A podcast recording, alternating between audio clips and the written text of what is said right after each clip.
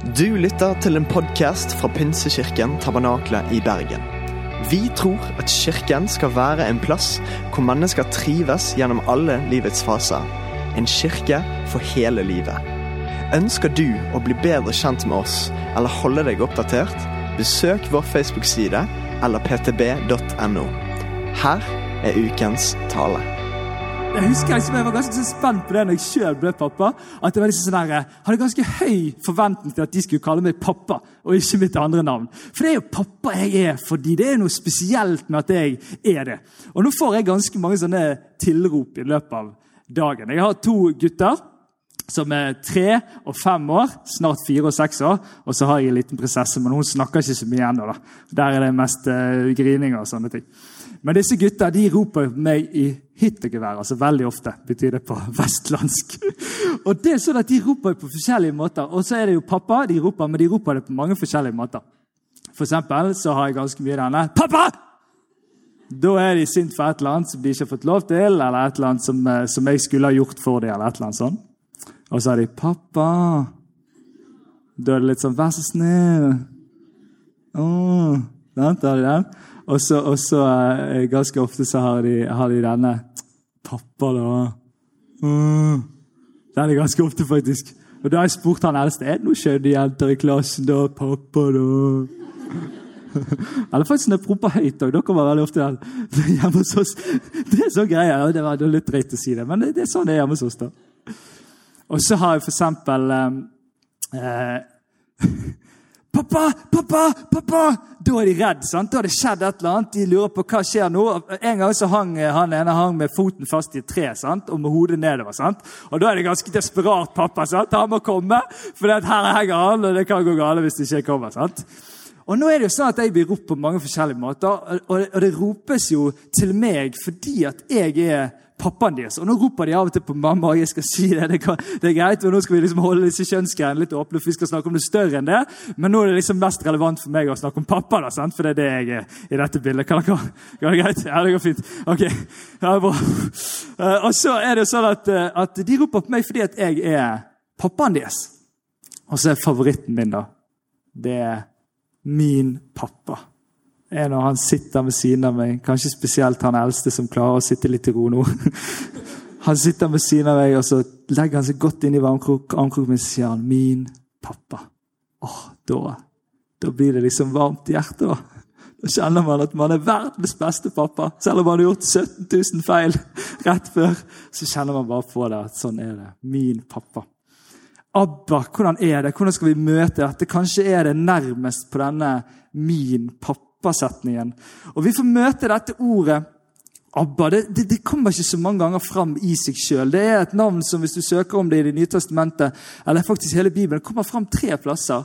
Eh, allikevel så er det en stor del av en, måte, en, en side av Gud som blir vist gjennom Jesus, hans sønn. Og det som skjer nå er at Vi allerede nå må inn i et ganske følelsesfullt rom. Og Jeg er en ganske sånn emosjonell type. da. Jeg er veldig glad for at en i dette rommet skal skrive en, en, leder, en, en, masteroppgave eller kanskje skrive en masteroppgave om emosjonelle ledere. For Jeg er litt spent på om det er smart å være så emosjonell som jeg er. Men vi skal inn i et ganske emosjonelt rom. folkens. Og Det kan være denne preken tar oss videre inn i noen sånne emosjonelle rom. Og Dette første emosjonelle rommet er når Jesus sitter på sine knær i Getsemane. Og det er dagen før han skal dø på den mest brutale måten. Og han vet hva som skjer. Og så ber han en bønn. Og da kommer dette ropet, dette papparopet, ut. Han sa, 'Abba, far, alt er mulig for deg. Ta dette begeret fra meg, men ikke som jeg vil, bare som du vil.' Jeg har flere ganger prøvd å leve meg inn i den stunden der. Og Veldig ofte har jeg tenkt på at Jesus ber til en Gud litt der oppe. Men når man får dette ABBA-perspektivet på denne min pappa, dette nære, så skjønner jeg at det er en sønn som roper til sin far.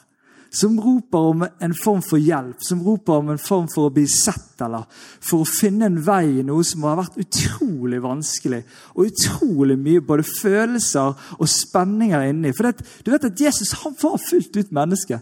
Selv om han var fullt ut Gud, så var han fullt ut menneske. og Derfor så kan vi faktisk òg leve oss inn i noen av de tingene som skjedde inni han. Og Så avslutter han denne bønnen med 'ikke for min, etter min vilje, men din vilje'. Men han har et nær, en nær samtale, et rop opp til sin pappa, til Abba, far. Og Det er på en måte med Jesus at denne siden av Gud kommer fram. Og Den var iallfall ikke rådende i den konteksten som Jesus kom inn i. den jødiske konteksten. Der var denne delen ganske langt unna, selv om man hadde forholdt seg til han i Gamle testamenter. David sier at han vil være, at Gud er hans far, og han vil være som en far for Israels folk. og Det kommer fram i historien. Men allikevel så virker det som at det kommer enda nærere. At det ikke blir den store faren for oss alle, men det kommer ned på individplan til denne min pappa. Til denne nære relasjonen som jeg kan kjenne på når mine barn roper på meg. Der jeg er den eneste som er deres pappa. Og så har dere sett dette blir vist gjennom Jesus. Når Jesus skal begynne sin tjeneste, så blir han døpt, og så kommer det en røst fra himmelen, en stemme fra himmelen som sier dette er min elskede sønn. I han har jeg glede i. Og Så blir det hele utgangspunktet for Jesus' sin tjeneste at han er elsket av sin far. Og så er det sånn at når det gjelder Jesus, så gjelder det oss. For Jesus var fullt ut menneske. Hatt et bilde på hvordan mennesker òg skulle forholde seg til Gud på en helt ny måte, og som vi får lov til å se og lese i og leve i i dag. Og Det er helt nydelig, for det er dette nære, personlige, individuelle med Abba far min pappa. I Romerne 8,15 er andreplassen vi får dette fram. Og Der står det dere har ikke fått den ånden som slavene har, så dere skulle være redde. Nei, dere har fått ånden som gir rett til å være Guds barn. Den som gjør at vi roper 'Abba, far'. Den som gjør at vi roper 'min pappa'. Vi har fått den, ikke den muligheten, ikke den liksom sjansen. Ikke den Dere skjønner hva jeg vil. Men den retten til å være Guds barn. Det definerer òg oss når han blir definert. Og Det er det beste med å oppdage Gud. Det er at vi plutselig skjønner mer av hvem vi er. For Hvis vi ser mer hvem han er, han er, hvem han er så ser vi mer av hvem vi òg er. Og Da blir det sånn at vi blir Guds barn. Vi har rett til å være Guds barn. Dermed kan vi inni oss få rope 'min pappa' til vår Gud.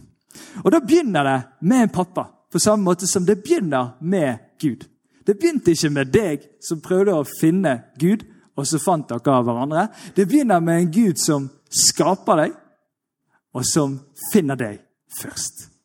Og Dette er ganske viktig. Her er det forskjellen på det der at vi skal liksom definerer hvem Gud er, istedenfor at han definerer hvem han er, og definerer hvem vi er, så er det samme her. sånn at ikke sånn at setningen 'Jeg har funnet Gud' maker sense, egentlig. For det er alltid han det begynner med. Det er han som begynner å skape, og så er det han som finner oss, og som tar oss tilbake igjen til der vi var skapt til å leve sammen med han. Og Det betyr at han er skaperen, han er initiativtakeren. Det er han det begynner med. Og når vi finner oss sjøl som Guds barn. Eller når vi ender opp i det og ser det og tar den retten, så gjør det noe med vår identitet. Du vet at Vi har så mye identitet knyttet til hva vi har valgt på studiet, eller hva vei vi går, eller vi, hvor vi er i livet. Jeg har prøvd å putte dette ganske i min egen selvbevissthet. Jeg, jeg, gjør ikke det så veldig ofte i en samtale med folk der folk spør seg, ja, hva gjør du for, hva, hva gjør du for din? Jo, jeg er først og fremst Guds barn. Den er litt så stretchy i en vanlig samtale med folk. Det er, det er gøy å sluke det. Da kommer veldig for sånn, ja, jeg jobber som pastor, eller jeg, jeg, jeg er mannen til Marit og jeg er pappa til mine barn. Og så kommer alle disse rollene. Men jeg har prøvd å si til meg sjøl at jeg er først og fremst Guds barn. Og Ut fra den rollen og den identiteten så er de andre tingene i livet. Og Her kan vi komme med en sånn frihet inn i samfunnet vårt, der det er så grådig mye identitetsstyr og identitetsstress. For hvem er jeg, og hva gjør at jeg kan være noe? Og Må ikke jeg gjøre sånn og sånn for å kunne være det og være det og være det? Men så skal vi se at det å ha retten til å være Guds barn, da handler det ikke så veldig mye om hva du har gjort, men hva han har gjort for oss. Og Du får ikke bare identitet, men du får òg verdi. Og du vet at Menneskeverdet det er diskutert mange, i mange områder. Det er ganske touchy, touch tema til tider i vårt samfunn.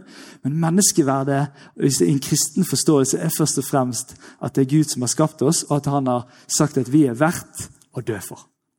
Det er Når Jesus dør på det korset og offrer, Gud ofrer sin egen sønn, så kommer denne verdien som en prislapp med et kors i panen vår på at dette er vår verdi. Vi er elsket så høyt at vi er verdt å dø for. Det finnes ingen større kjærlighet enn den som gir sitt liv for sine venner. Det er den kjærligheten og det er den verdien vi forstår i som Guds barn.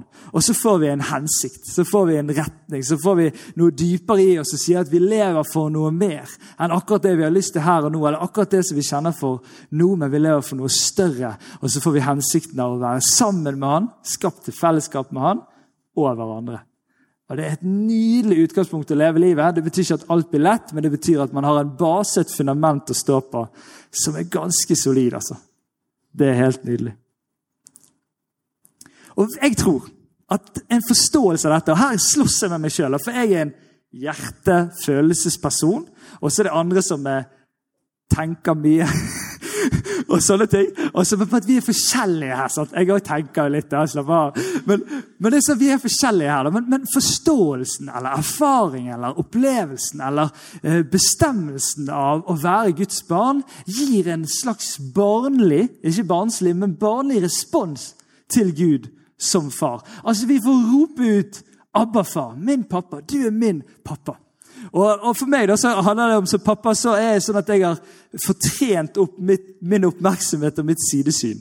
For det at når jeg går rundt forskjellige steder, sammen spesielt med mine to eldste sønner, som er ganske aktive, så kan jeg gå rundt, og da må jeg være klar på at det kan komme et barn flygende på meg. Sant? For Hvis jeg går sånn, og det for er en sånn cirka så høy mur her, så har han ene tenkt jeg løper opp på den moren og hopper til pappa. og da har jeg trent meg opp jeg, jeg anbefaler sånn daddy catch på, på, på, på, YouTube. Det er veldig morsomt, for det er ganske mye gode sånne greier. For, men, men, de bare hopper. Det er en så sinnssyk tillit fra de til meg. Som jeg bare tenker, Det er kanskje noe grunn til å ha så høy tillit. For det er min oppmerksomhet er ganske, jeg kan være ganske mange steder i hodet. Men jeg har liksom lært meg det at jeg må bare følge med når vi er ute, for her kan det komme barn flygende hele veien. Denne tilliten av å gi seg over, denne å hoppe inn i noen armer fordi man stoler på at de er der. Og denne tanken om at jeg er liten og han er stor. Jeg kan bare hoppe inn i det. Det er en sånn hengivenhet og tillit i dette som jeg bare føler jeg, jeg lærer av mine barn på måten de er med meg på. Og akkurat så jeg får et innblikk i dette når jeg ser denne Abba far. Denne tilliten til at han vet alt, selv om ikke jeg vet. Og i alle fall nå når vi kan kjenne på at det er litt vanskelig å se framover. Hvordan ser det ut framover? Så trenger vi å forstå at det er en som vet hvordan det ser ut framover. Vi trenger å stole på og ha tillit på en Gud som vet, selv om ikke vi vet.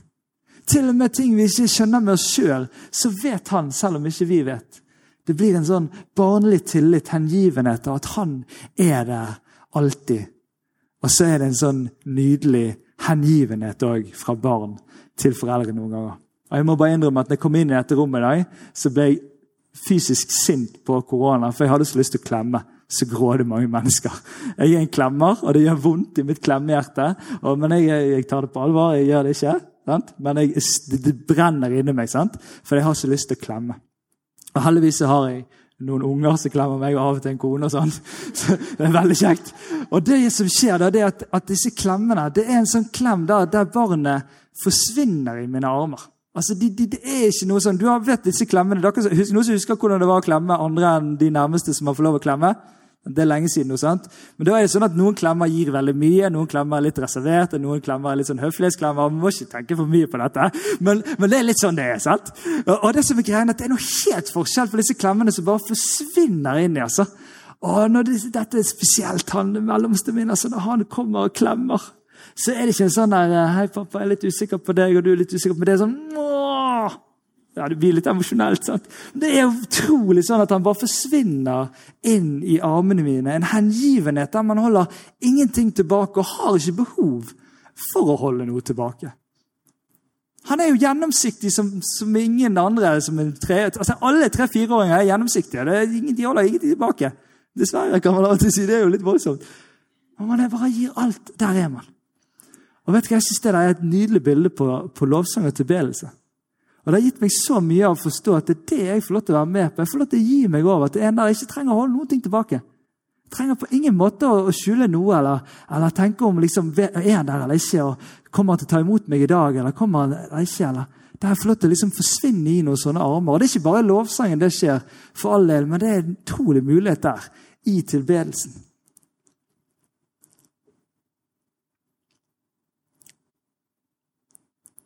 Det blir en respons av at det er min pappa. Jeg får en tillit, og det kommer en hengivenhet.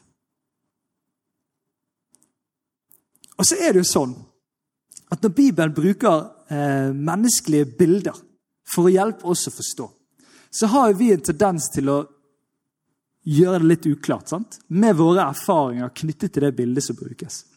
Og Det er også veldig viktig å snakke om når vi snakker om Gud som far, eller som min pappa, som er egentlig en enda mer personlig termen. Så er det jo helt klart at, at, at bildet kan bli ganske uklart når vi har en erfaring av pappa. Til og med når han er god, så kan han bli uklar fordi han blir menneskeliggjort. Og når han er vond eller vanskelig eller fraværende, så er det i alle fall utfordrende å skulle gå inn i den tanken om at Gud er min far. Det, det, det, Vi sammenligner det med det som vi har fra før eller den erfaringen vi har, eller det vi har sett.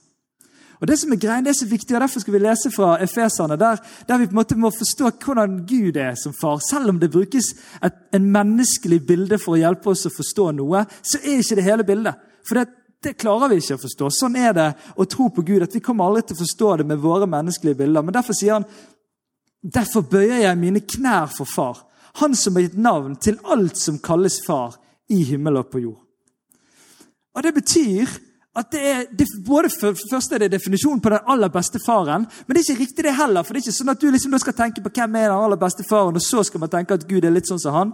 Nei, det betyr at Gud er over han er det som kan, han liksom har skapt alt som heter far. alt som er der. Han er forbi det. Og det blir en egen liga for Gud som far. Og Selv om det er sånn at Gud har skapt oss i sitt bilde, og det er noen likhetstrekk, og sånne ting, så må vi kjenne opp med å vri dette den veien av at vi da skal finne en eller annen som vi tenker på som er verdens beste pappa, og så er Gud en sånn pappa. For Gud er forbi det. Og det må vi være så himla glad for, for det alle pappaer har sine greier. altså. Og det er så mye feil vi gjør. Det, det, det, det er liksom, Hvis du kommer opp på, som foreldre da, hvis du er oppe på liksom 60-70 feil oppdragelse i løpet av en dag, så er det ganske bra. Så så mye feil er det liksom ligger det i greien. At du er liksom oppe på 60-70% feil, da er det ganske bra. liksom. For det som oppdrager er det helt forferdelig. Altså, du gjør så mye rart. Og du tenker du prøver å gjøre det riktig, men det blir bare feil. og så er det sånn. Mens Gud han er liksom 100% rett den rette far. Derfor er han forbi det. Derfor må vi av og til løsrive oss fra sånne bilder som har kommet, som er med og lager et uklart bilde av hvem Gud er. Fordi at vi har menneskeliggjort det. Så er ikke Gud et menneske. Han er Gud. Han er den rette far. Han er den far som ikke gjør de feilene som jeg gjør, og som andre fedre eller andre omsorgspersoner har gjort. Dette er så viktig. Altså drar vi det inn i det. Og så ender det opp med å skape avstand eller uro i denne nære, personlige relasjonen som vi blir invitert til sammen med Gud. Abba, far, min pappa. 25. juni så kom Marie Elinor til verden. Hun er søt liten jente.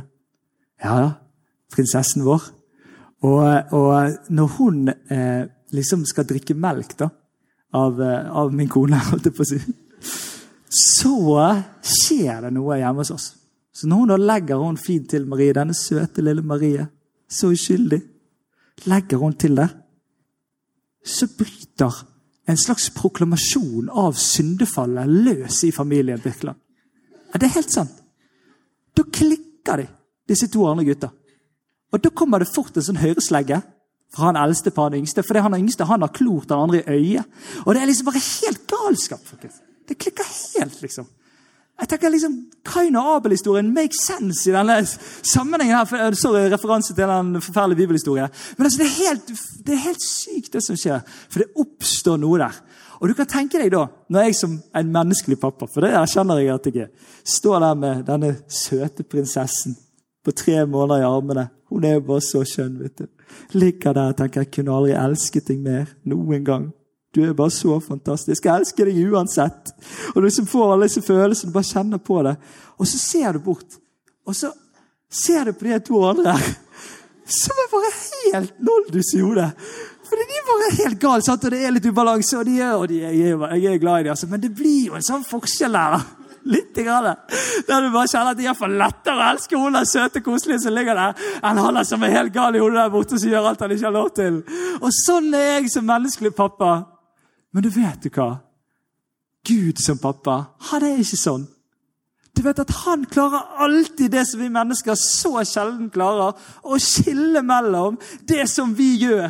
Og, og Mine sønner de gjør det, ikke alltid med meningen. og De vet ikke helt hva de gjør. og Det er kaos, liksom. Men, men de klarer å skille mellom Gud klarer å skille mellom det vi gjør, og den vi er. Det betyr at vi er konstant elsket, uavhengig av alt det kaoset vi finner på der borte.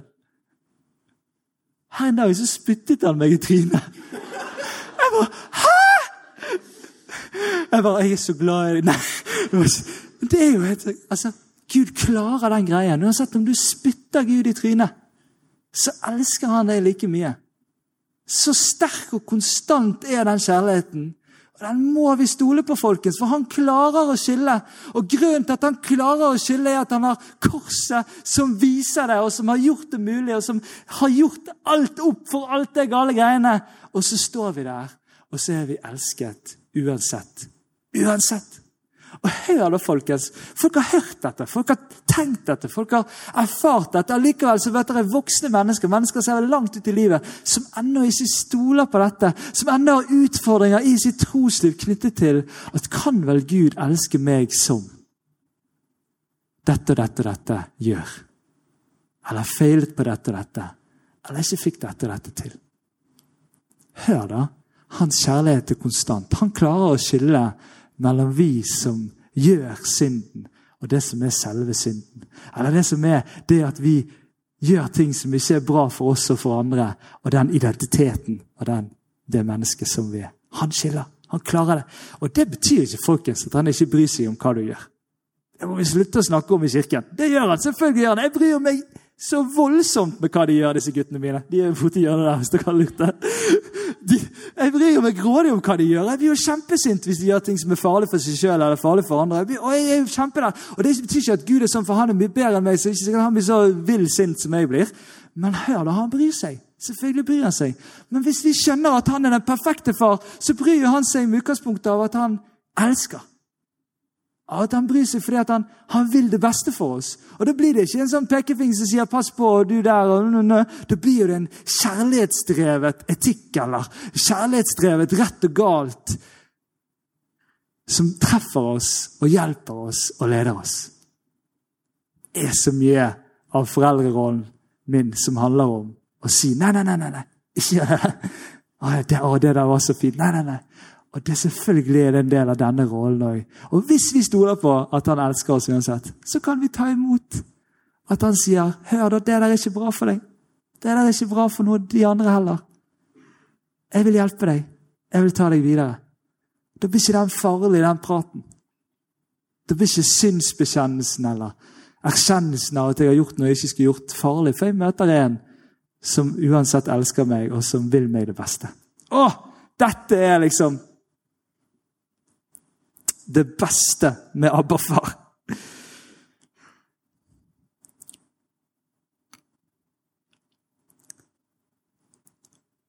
Min kone er psykolog, da.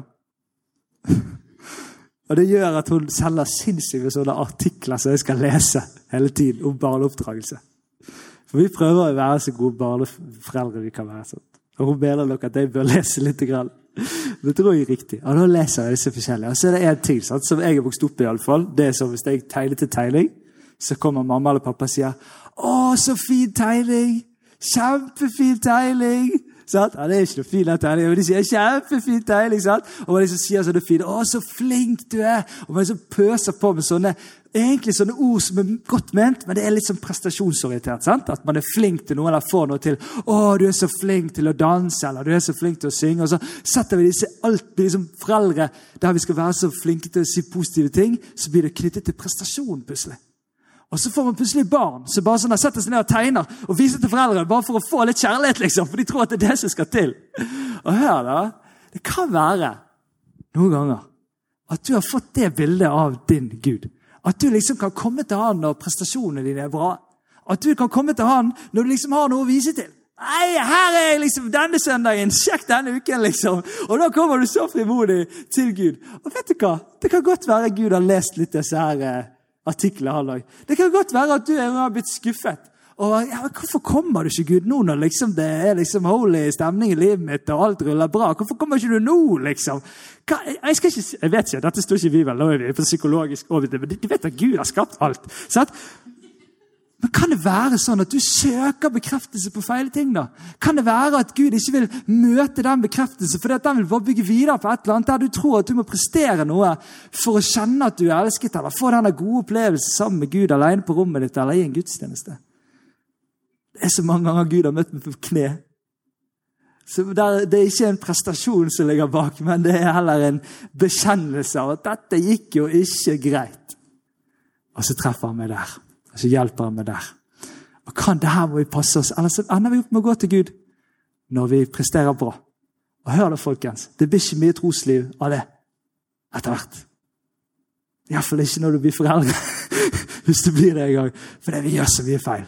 Som mennesker og som foreldre. Og sånn er det bare. Her er ikke noe sånn her, å grave oss ned og gå hjem og grine for det. Sånn er det bare. Derfor så trenger vi å kunne komme til Gud uansett. uansett.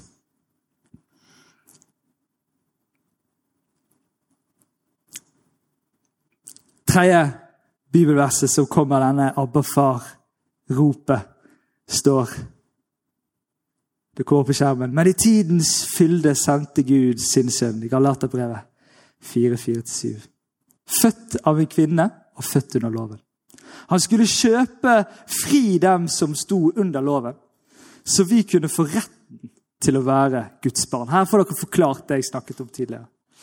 Fordi dere er barn, har Gud sendt sin sønns ånd inn i våre hjerter. Og ånden roper 'Abba, far'.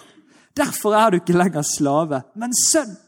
Og du er sønn, og om du er sønn, og er du sønn, er du også arving innsatt av Gud. Og Nå vet jeg ikke om du går ofte rundt og tenker på arven din. Vi lever i en litt annen tid. Men når dette beskreves, så var hele framtidsscenarioet knyttet til arven. Var dine foreldre, Hadde de vært noen som hadde fungert bra i noe, eller bygd seg opp noe, så skulle du få lov til å leve videre inn i det. Var foreldrene noe som det hadde gått gale med, eller noe som ikke var, hadde gått til skeis, så var det som òg var din fremtid, veldig mye mer enn det i alle fall er i dag sosiologisk. Og Sånn var det. og Derfor så ligger denne arvingen at man har gått fra å være Man er ikke noen slave eller en tjener eller en som er en del av en sånn, sånn arbeidsgjeng på, i en eller annen familie, men man er blitt sønn. Som òg kan få lov til å se framover til alt det som man har å få. Og Dette betydde så mye for de ørene, for de som hørte det første gang. De skjønte hei, ikke lenger en eller annen i periferien av av Guds folk, eller hvem Gud er glad i, eller hvem Gud bryr seg om. Jeg er satt inn midt inne som en sønn eller som en datter inn i dette, men òg som en arving. Og du vet at Her ligger dette av at i dette Abba-far, at han er min pappa, så blir jeg hans sønn, hans datter. Og så har jeg alt det han har å gi, har jeg tilgjengelig. Og det er altfor stort å ta inn over seg. Man må leve et helt liv for å forstå hva det kan være. Men det betyr at alle hans gaver, all hans kjærlighet, all hans ledelse, all hans, alt han har i seg, all hans nåde, ligger der tilgjengelig for oss, og vi kan få det. Og du vet at når jeg krasjer litt i livet så ringer jeg min far ganske fort. Jeg har et veldig godt forhold til min far. Jeg ringer han og hører nå har det, nå har det gått skeis.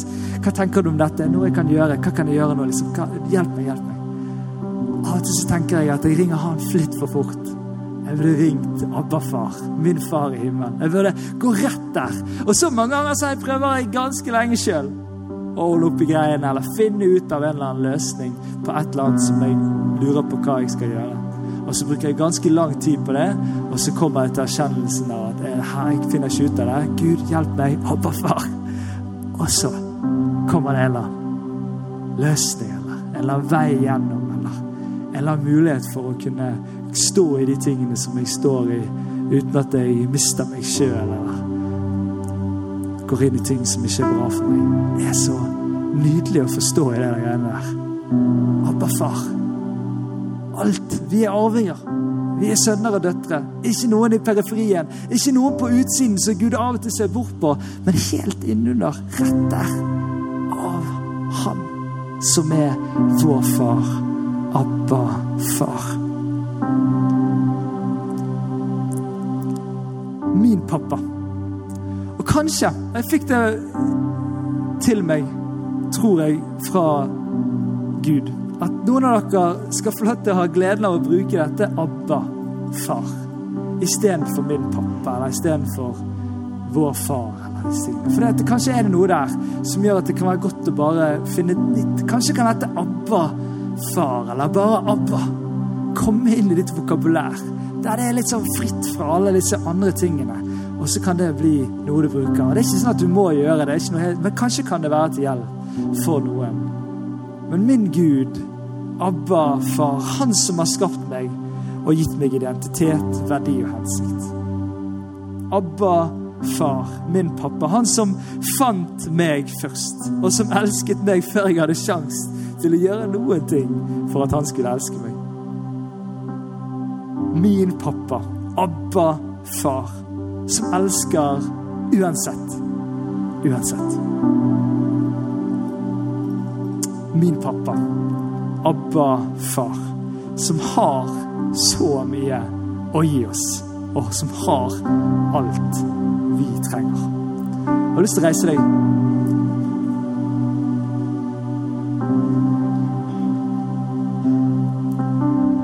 Jeg har så lyst til å, å be for deg, der du står, inn i dette. Inn i dette som har med ikke en stor og mektig pappa som vi alle ser til, men en som er din far. Abba-far, din pappa. Og i dette Kanskje har det vært sånn at det har vært litt trøblete der. Kanskje har det vært litt avstand der. Kanskje har det vært ting som har gjort at du har tatt litt avstand eller ikke tør helt å slenge deg inn i armene. Jeg vet ikke. Men jeg har lyst til å be for deg. Jeg har lyst til at vi skal lukke øynene våre. og så hvis du har spesielt lyst til at jeg skal bare løfte deg fram, ikke med navn eller noe sånt herfra, men bare ta deg med i denne bønnen, så har jeg lyst til å utfordre deg til å bare ta på den som et respons på det nå. Og så har jeg lyst til å be sammen med deg. Så nydelig. Så nydelig. Jeg har lyst til å be sammen med deg her for dette. Abba, far. Vår pappa. Du som er her. Du som kjenner oss bedre enn vi kjenner oss sjøl. Du som har satt oss til å være dine barn. Du som har gitt oss retten til å være det uansett, uansett. Å, gode Gud, må du sette dette bildet på plass for oss alle. Må du hjelpe oss å få det klart hvis det har blitt uklart. Må du hjelpe oss å rydde i de tingene som har skapt denne uklarheten. Om det er personlige erfaringer, om det er assosiasjoner, eller om det bare er mangel på å, ha sett denne siden eller fått høre om denne siden om deg, Gud. Eller om det er erfaringer av å kjenne på eller kunne leve på at du er vår pappa. Herre, kom. Vi inviterer deg, Hellige Ånd, du som er Gud i oss, til å komme og gjøre det du kan gjøre på innsiden av våre hjerter, Herre. Det du kan gjøre fra innsiden når vi sier 'Her er vi'. Jeg tar imot. Herre, vi tar imot deg som vår pappa i livet, Herre. Abba, far. Her kommer din nåde, som har ny hver eneste dag, Herre. Din nåde som aldri tar slutt, Herre. Er nåde som er det fundamentet som aldri svikter. Kom. Her jeg ber om trygghet. Trygghet inn i relasjonen til deg, her. Frihet fra usunn frykt og frihet fra vanskelige tanker knyttet til å være ditt barn, Herre. Herre, kom nær. Led. Vis vei. Hjelp oss til å hjelpe hverandre,